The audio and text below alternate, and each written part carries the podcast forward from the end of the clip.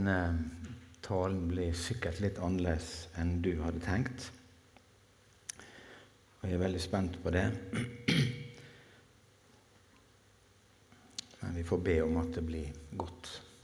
Kjære Jesus. Hjelp oss å være stille en slik dag. Og vi ber om at du må vise oss det du har gjort. Takk for at vi kan få være i lag her. Takk for ditt ord. Takk for ditt frelsesverk. Amen. Jeg hadde opp denne plakaten først bare for å minne dere om 30 dagers bønn for verdens muslimer, som du finner på akkurat denne nettstaden, og som hver dag i ramadan eh, presenterer ei gruppe eller et land eh, som du får litt, vite litt om med påminnelse om å be akkurat nå i denne måneden. Så denne gangen så traff det i lag med vår påske. De søker noe helt annet enn vi. Han het Abraham, og han hadde ei tru som var sett på prøve. Gud ga oss store lovnader da han var unge. Men Gud venta helt til det var umulig med å oppfylle. Det er akkurat det som er med underet når Gud gjør det som er umulig. Abraham hadde helt sikkert ei tru som kjempa. Det må vi regne med han hadde. Men han trodde Gud sjøl om han ikke så. Han ble 100 år før lovnaden ble oppfylt. Og så lurer jeg på hvordan gikk det med trua hans etterpå, når han hadde fått det han hadde fått lovnad om? Eh, det var en ny epoke i livet hans. Så skjer det igjen. Ei tid etter at dette hadde hendt, sette Gud Abraham på prøve. Han hadde altså vært prøvd i grunnen hele livet eh, på trua si. Nå blir han sett på prøve igjen. Isak, som han hadde fått, og som han hadde fått lovnad om, han var konfirmant, sånn omtrent 13-14 år gammel når dette skjer.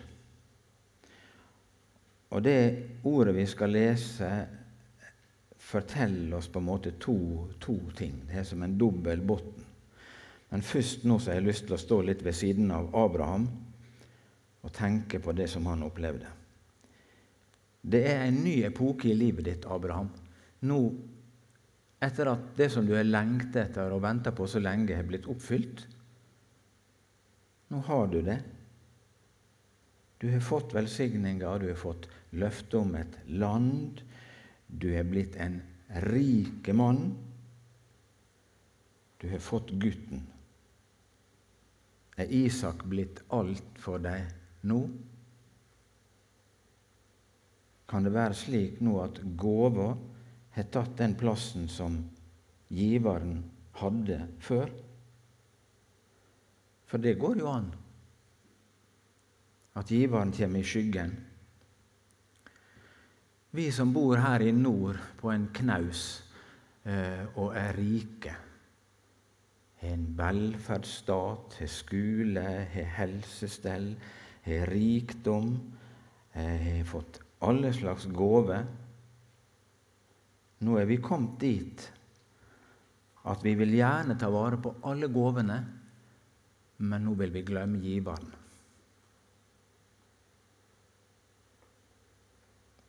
Kan det være at det kan skje også i mitt liv at han må ta ifra meg noen av gavene for at jeg skal gjenoppdage giveren. At det var gavene som har blitt viktigst.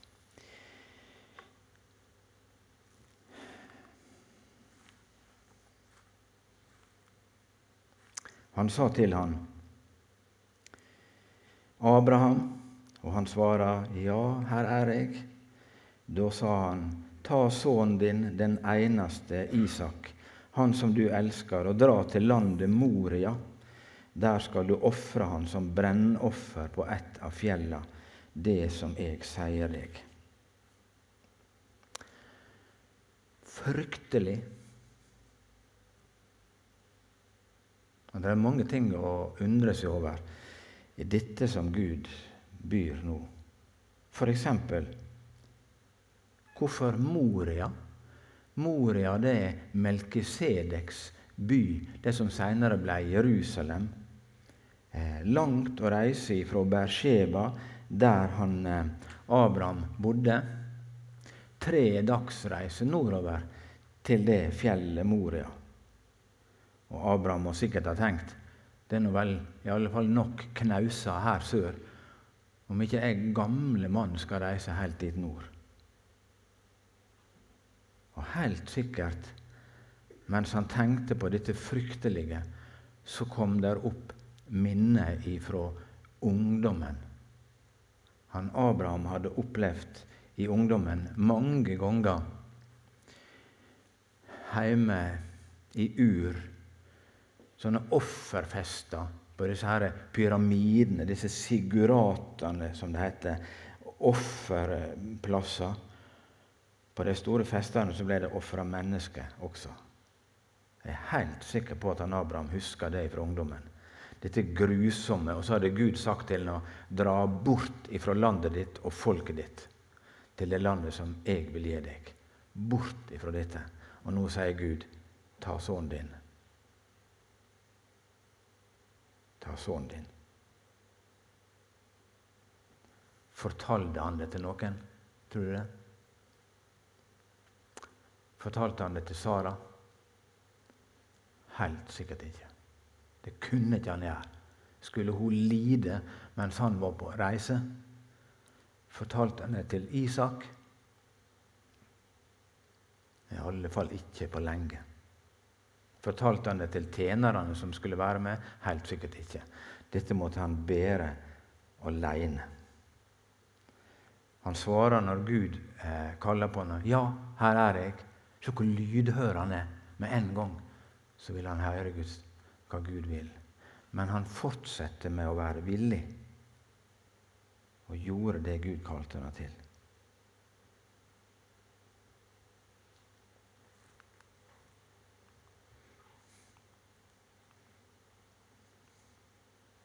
Det kan være av. Tidlig neste morgen sto Abraham opp og leste på eselet sitt og tok med seg to av tjenesteguttene sine og Isak, sønnen sin. Han kløyvde ved til brennofferet, og så ga han seg i veg til den staden Gud hadde sagt han. Tenk hvor mange av oss som gjerne utsetter viktige ting. Han fikk en, en, et fryktelig kall fra Gud, og så står han tidlig opp om morgenen. Han tar enda til med seg ved til brennofferet, enda han skal så langt. Og så står det han gav seg i veg. Det er noe sånn bestemt, noe fast over Abraham. Han vil gjøre det Gud kaller ham til. Og så Tredje dagen så Abraham opp og fikk øye på staden i det fjerne. Da sa Abraham til tjenesteguttene, vær her med eselet. Jeg og gutten vil gå dit bort og tilbe, og så kommer vi tilbake til dykk. Og Da må vi spørre, som mange andre har spurt, mente han det han sa? Var det bare ei hvit løgn? Det så kanskje omtrent sånn ut dit han kom den gangen. Langt bortover der så ser han dette fjellet som Gud har, har bestemt. Trudde han det han sa, at vi kjem tilbake? Hebreabrevet gir oss svaret på det spørsmålet. Bibelen sjøl hjelper oss til å forstå. I tru bar Abraham fram Isak som offer da han ble satt på prøve. Sin eneste sønn var han villig til å ofre, enda han hadde fått lovnadene. Og dette hadde blitt sagt til han. Gjennom Isak skal du få ei ett som skal kalles di. Han rekna med at Gud hadde makt også til å vekke opp døde. Så da spør vi to spørsmål. Var Abraham villig til å ofre Isak?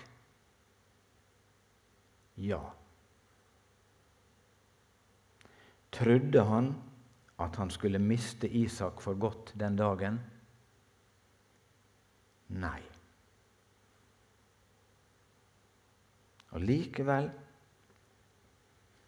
Her slipper Abraham taket i Isak. Og så griper han fast om Guds hand igjen. Og så vinner han begge. Det er noe i Bibelen som heter Guds rike først, og så skal du få alt det andre i tillegg.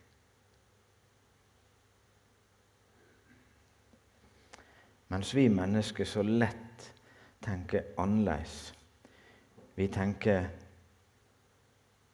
vi vil ha godene, og så slipper vi taket i Jesus, og så mister vi alt.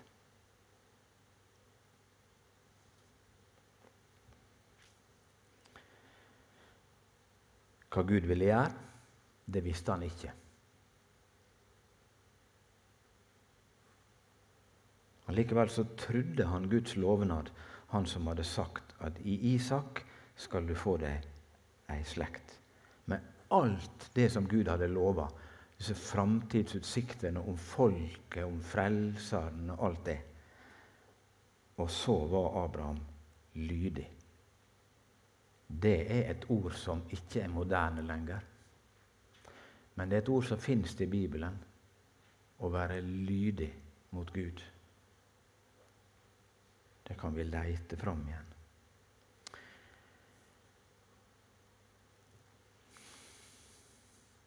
Abraham tok offerveden og la han på Isak, sønnen sin. Sjøl tok han elden og kniven i handa, og så gikk de sammen, de to. Hjerteskjærende. Det er nok av de som mener at dette skulle egentlig ikke ha stått i Bibelen. Det stemmer ikke med vårt bilde av Gud. Dette skulle ikke stått i Bibelen. Men jau, og du skal få lov å mene det du vil. Jeg mener at denne hendinga ikke bare hører hjemme i Bibelen, men det er en viktig hending i Bibelen. Hvorfor det? Fordi at fortellinga om Abrahams største prøve også er fortellinga om Gud sin største prøve. Ta sønnen din, den eneste. Dra til landet Moria.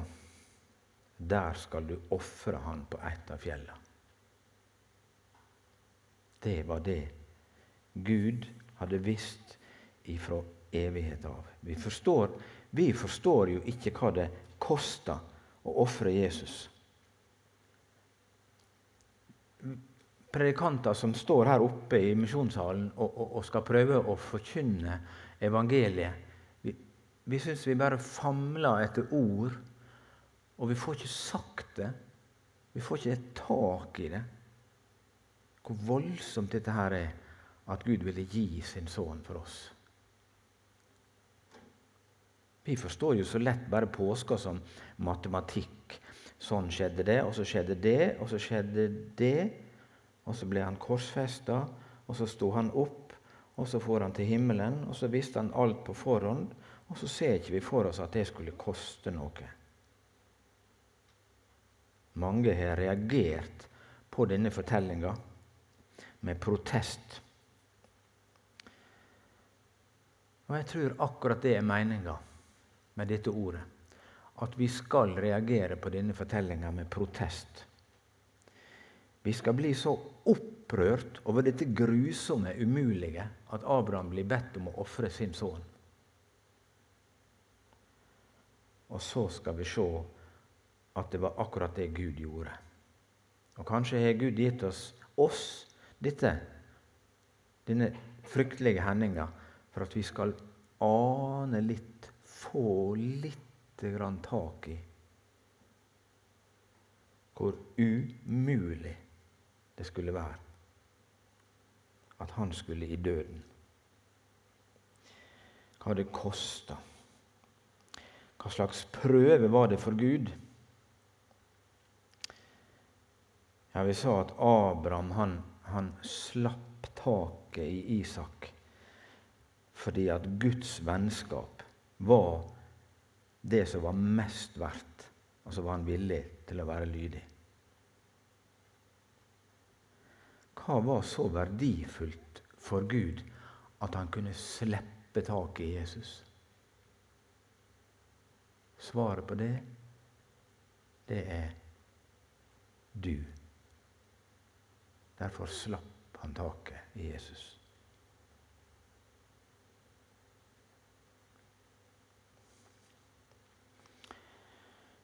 Abraham måtte bære den tunge børa i hjertet sitt aleine den lange veien. Det måtte også Gud. Tenk på det at ifra evighet, før noe var skapt, så var korset reist i Guds hjerte. Han var villig til å ofre sin sønn for at mennesket han skapte, skulle bli frelst. Og hele veien og gjennom hele frelseshistoria og fram til den dagen når korset ble reist, så måtte han bære denne smerte alene. Men han var villig til å gjøre det for oss. Det er så mange ting i denne fortellinga om Abraham som ligner på påskefortellinga.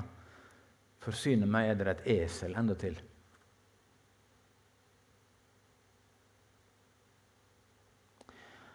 Abraham sier 'Jeg og gutten vil gå dit bort og tilbe'. Jeg lette opp ifra Matteusevangeliet. Så kom Jesus med læresveinene til en stad som heter Getsemane, og han sa til dem, Sit her medan jeg går dit bort og ber. Han tok med seg eh, Peter og de to Sebdeus-sønnene, og han ble grepen av sorg og gru.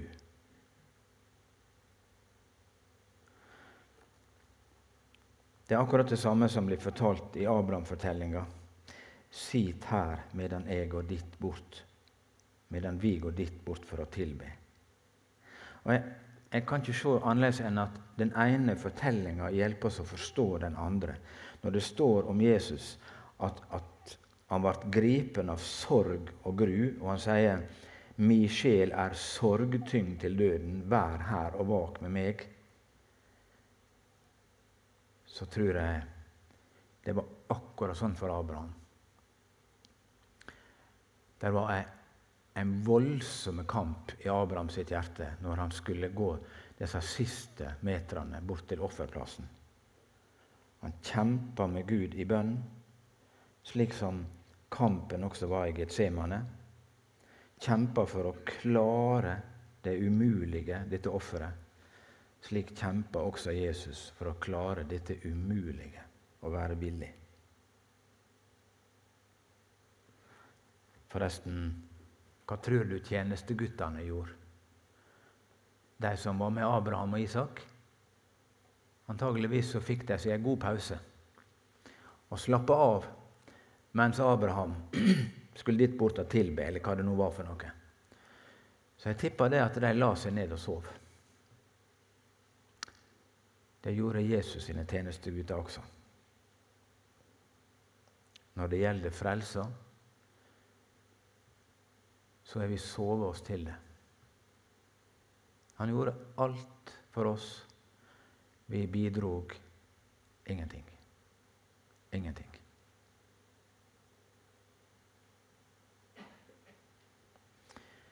Ikke som jeg vil, bare som du vil, sier Jesus når han ber. Og det sier Abraham også. Han er villig til å gjøre det.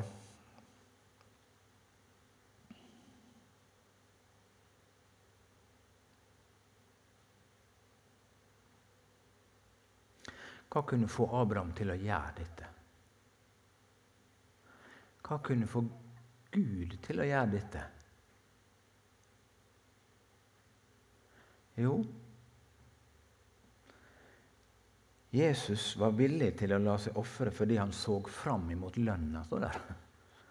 Han så fram imot lønna. Vet du, hva, vet du hva som var hans lønn? Det var du. Og derfor gjorde han det. Han så fram imot lønna. Ja, se på Abraham som legger offerveden på Isak. Den offerveden som han snart skulle bindes fast til. Og så går gutten og bærer den. Se Jesus som bærer sin offerved, som han snart skal bindes til. På vei imot offerplassen, så sliter han seg fram med den tunge børa. Jesus fikk riktignok hjelp av en som heter Simon fra Kirene. Men jeg tror vi kan si at den lidingsveien ut til Golgata, selv om det var skrammel og bråk og, og rop av mye folk, så var det egentlig bare de to. Det var Gud Fader og hans sønn. De går der de to imot offerplassen.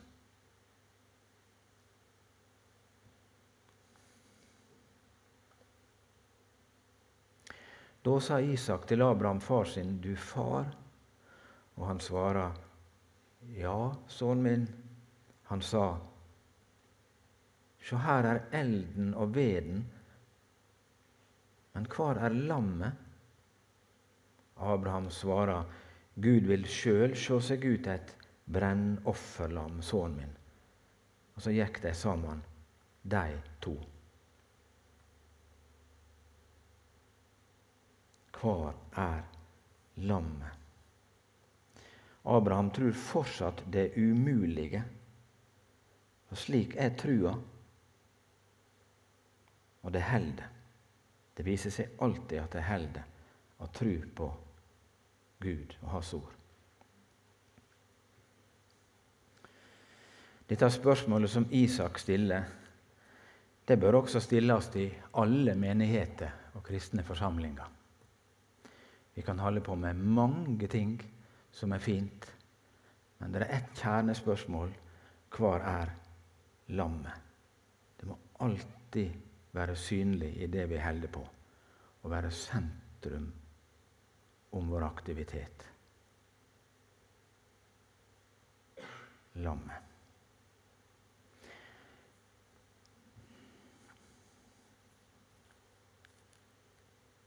Da de kom til den staden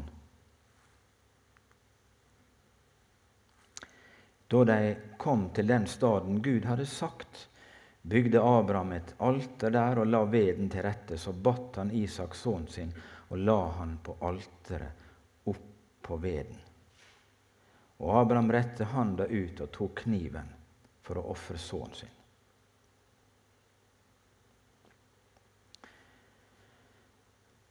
Ja, Det er iallfall ett spørsmål til som mange har stilt. Hvorfor protesterer ikke Isak? Han sier ingenting.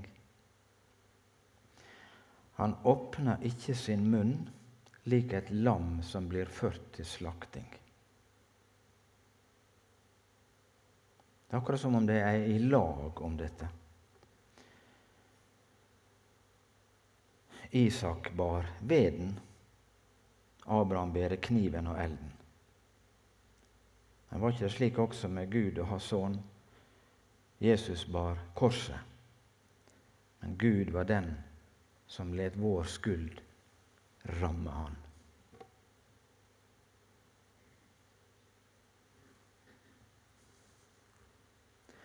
Det er akkurat som vi kunne høre at Isak sier 'Min far, min far'. Hvorfor har du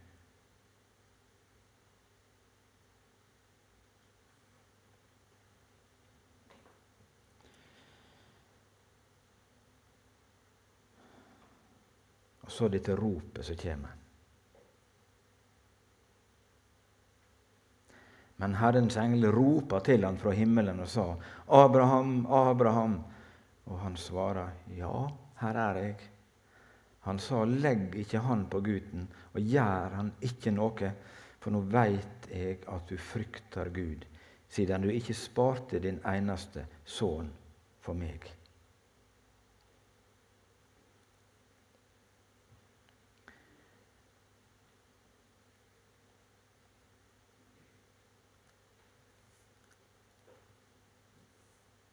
Hvem som roper?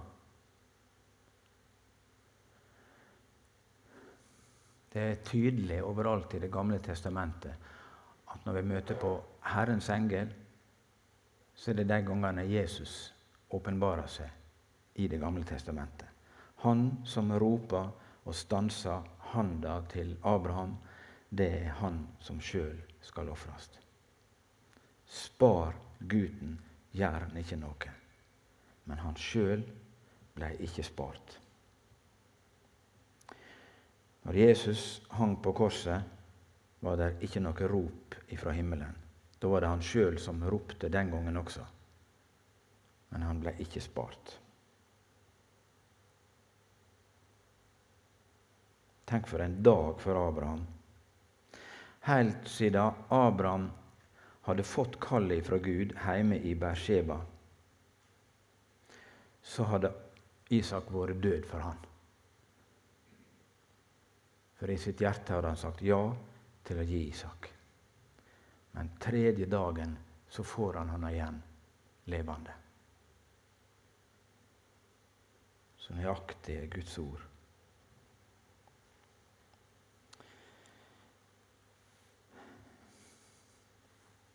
Hvor det skjedde hen?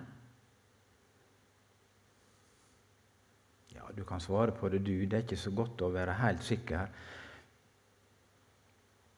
Bibelen forteller at tempelet ble bygd på Moriafjellet, og det var hit Abraham ble sendt.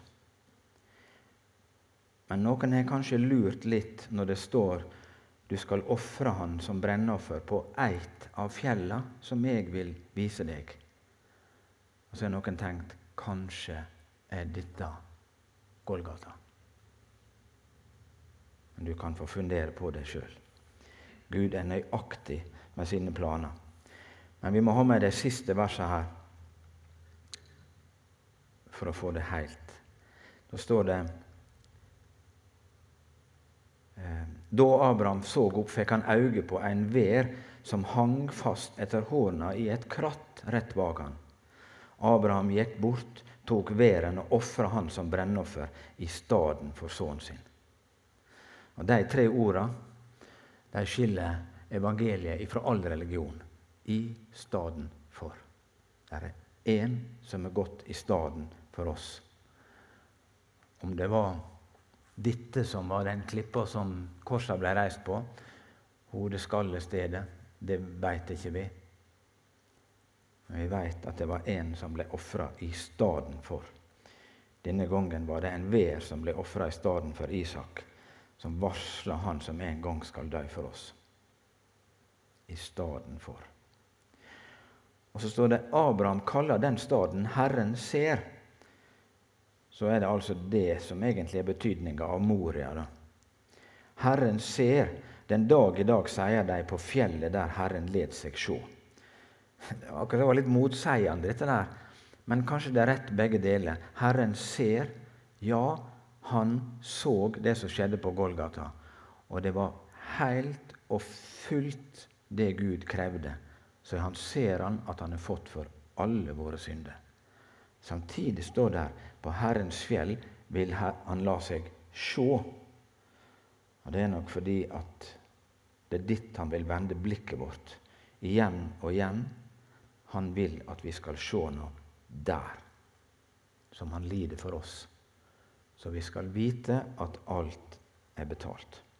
Da ropa Herrens engel til Abraham fra himmelen for andre gang og sa:" Jeg sver ved meg sjøl, jeg sverger ved meg sjøl, sier Herren.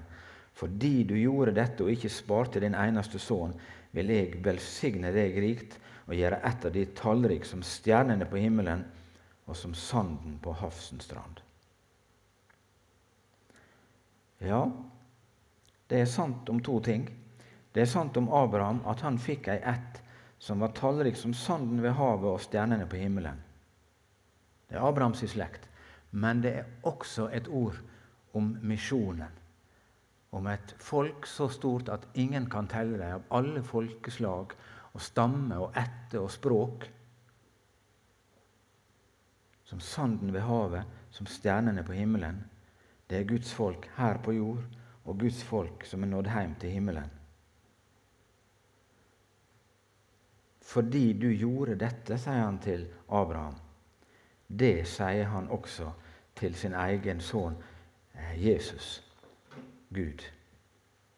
Fordi du gjorde dette, skal slekta di bli som sanden ved havet og som stjernene på himmelen. Det er lønna for hans smerte. Det er du, og det er hvert eneste menneske som som fikk høre om Jesus og ble frelst. Kanskje kan vi si at misjonen er vår takk for Golgata. Takk til Jesus og lønn for hans smerte fordi du gjorde dette. Jesaja 53 sier derfor ville jeg gi han mange til del, og sterke skal han få til bytte, fordi han tømte sin sjel til døden. Fordi du gjorde dette, skal du få. Så du lønna for å ha smerte. Hvert eneste menneske som kunne få høre om Han og ta imot Jesus. Amen.